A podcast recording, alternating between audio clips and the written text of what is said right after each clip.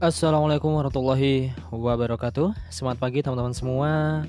Kembali lagi bersama saya Prasetyo Adi dalam podcast belajar branding. Di sini kita akan berbicara tentang brand, branding dan desain uh, yang akan mungkin sedikit banyak akan berpengaruh terhadap bisnis kalian. Semoga saja seperti itu. Harapannya seperti itu. Oke, uh, langsung aja.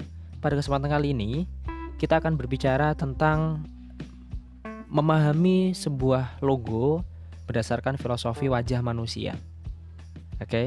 jadi beberapa hari yang lalu dalam beberapa atau segmen yang lain gitu ya, saya pernah bilang bahwa uh, logo itu ibaratnya seperti wajah manusia gitu. Dia akan menjadi first impression ketika orang melihat sebuah brand. Jadi di sana ada logo yang akan dilihat, akan dikenang dan menjadi titik pembeda dengan brand lain. Oke, okay? Logo adalah salah satu titik pembeda antara satu brand dengan brand yang lain. Ini adalah keywordnya. Nah, apa hubungannya sama wajah manusia gitu ya? Uh, kita tahu di dunia ini, di bumi ini ada banyak sekali manusia. Ada kurang lebih 8 miliar manusia gitu ya. Kalau saya cek di Google gitu. Manusia di dunia ini sangat banyak banget. Banyak banget. Dan apa yang menarik dari hal ini adalah satu manusia dengan manusia yang lain, mereka memiliki wajah yang berbeda. Walaupun mereka adalah seorang yang kembar. Pasti ada salah satu titik atau poin yang mereka jadi pembeda di wajah mereka. Oleh karena itu saya bilang bahwa kita akan belajar membuat logo, bukan belajar membuat logo ya, tapi belajar tentang logo uh, berdasarkan filosofi wajah manusia. Oke ya. Nah, intinya adalah kalau tadi saya bilang logo itu adalah uh, sarana pembeda dengan brand lain, maka wajah manusia antara manusia yang, yang satu dengan manusia yang lain itu juga berbeda. Jadi, filosofi kita dalam membangun logo, eh, dalam membuat logo adalah pastikan bahwa kamu atau logo Anda memiliki diferensiasi dibandingkan dengan logo yang lain. Walaupun bisa jadi memang secara konsep mirip-mirip gitu, tapi ada titik pembedanya. Oke ya. Nah, kalau kita lihat dalam sisi wajah manusia gitu ya. Manusia itu punya banyak uh, variasi wajah gitu. Ada yang lonjong ada yang bulat ada yang oval ada yang uh, matanya belok ada yang matanya sipit gitu ya. Kemudian ada yang uh, alisnya tebal alisnya tipis dan seterusnya macam-macam gitu. Nah uh, saya bilang tadi bahwa logo itu bisa mirip-mirip gitu tapi tapi memang ada poin khusus yang membedakan. Jadi poin pertama adalah Uh, jika logo kalian memiliki kemiripan dengan logo yang lain, pastikan bahwa ada hal yang tetap berbeda dibandingkan dengan logo lainnya. Terlebih lagi logo dalam kategori bisnis yang sama gitu. Oke ya. Logo sebaiknya didesain tidak sama pastinya seperti itu karena kita berangkat kalau di metode Kawakibi, metode kami, kita berangkat dari sebuah brief untuk mendesain logo.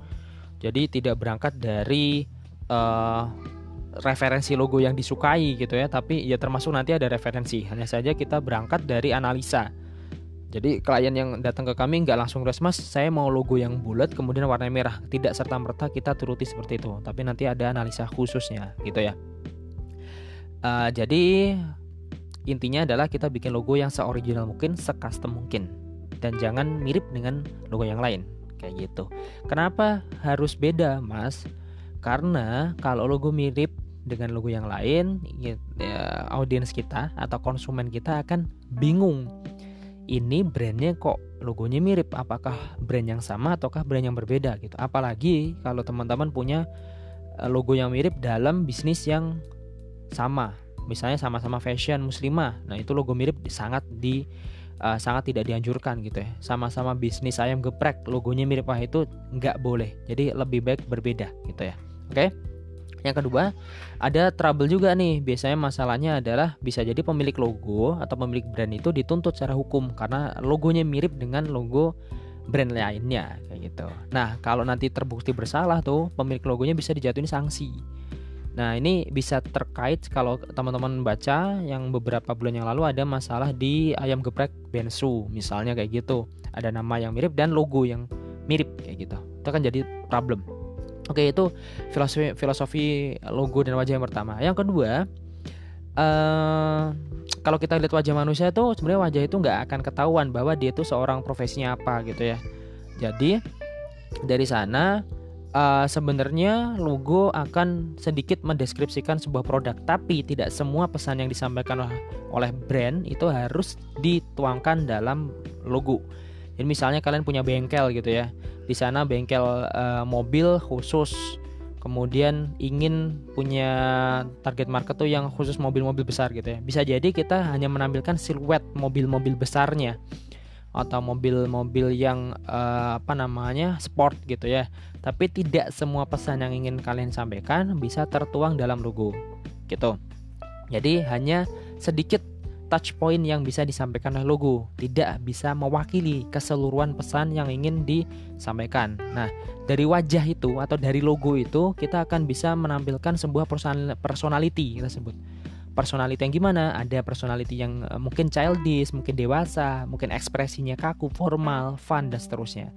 Jadi termasuk di analisa saya gitu ya di analisa brief kami di Kawakibi di awal kita bikin bagaimana personality yang ingin anda sampaikan dalam logo ini ya gitu nah nanti personality itu yang akan kita tampilkan dalam desain logo seperti wajah manusia kan wajah manusia itu biasanya ada yang lagi capek, lagi sedih, lagi seneng, uh, terlihat dewasa, terlihat uh, anak-anak dan seterusnya. Nah, yang terakhir, yang ketiga bahwa ke, sebagai pemilik brand kita nggak bisa mengandalkan logo untuk berkomunikasi, untuk menyampaikan semua pesan kita, semua value kita, semua keunggulan kita kepada audiens atau customer. Jadi logo adalah hanya bagian, salah satu bagian aja dalam kita menyampaikan pesan gitu ya. Nah, selanjutnya ada apa ada apa lagi yang bisa kita lakukan yaitu kita melakukan komunikasi brand. Jadi ada logo tadi dibantu dengan yang lain. Apa yang lainnya itu adalah bisa jadi tagline, slogan, foto, ilustrasi, iklan, media sosial kita, website kita, podcast termasuk musik, video dan lain sebagainya. Jadi intinya logo itu adalah salah satu part untuk mengkomunikasikan value brand. Tapi logo nggak bisa berdiri sendiri, harus dibantu oleh media-media yang lain untuk kita mengkomunikasikan sebuah brand. Nah, dari sana ketika teman-teman ingin diskusi terkait bagaimana membangun sebuah brand yang baik tentang nyambung ke desain logo yang tepat dan komunikasi yang brand yang tepat, silakan hubungi WA saya. Nanti saya tulis di deskripsi. Feel free untuk konsultasi bareng saya gitu ya. Oke, mungkin gitu aja. Uh, mungkin agak kepanjangan. Semoga bisa diambil manfaatnya oleh kalian semua. Terima kasih sudah menyimak. Salam sukses berkah berlimpah untuk kalian semua. Wassalamualaikum warahmatullahi wabarakatuh.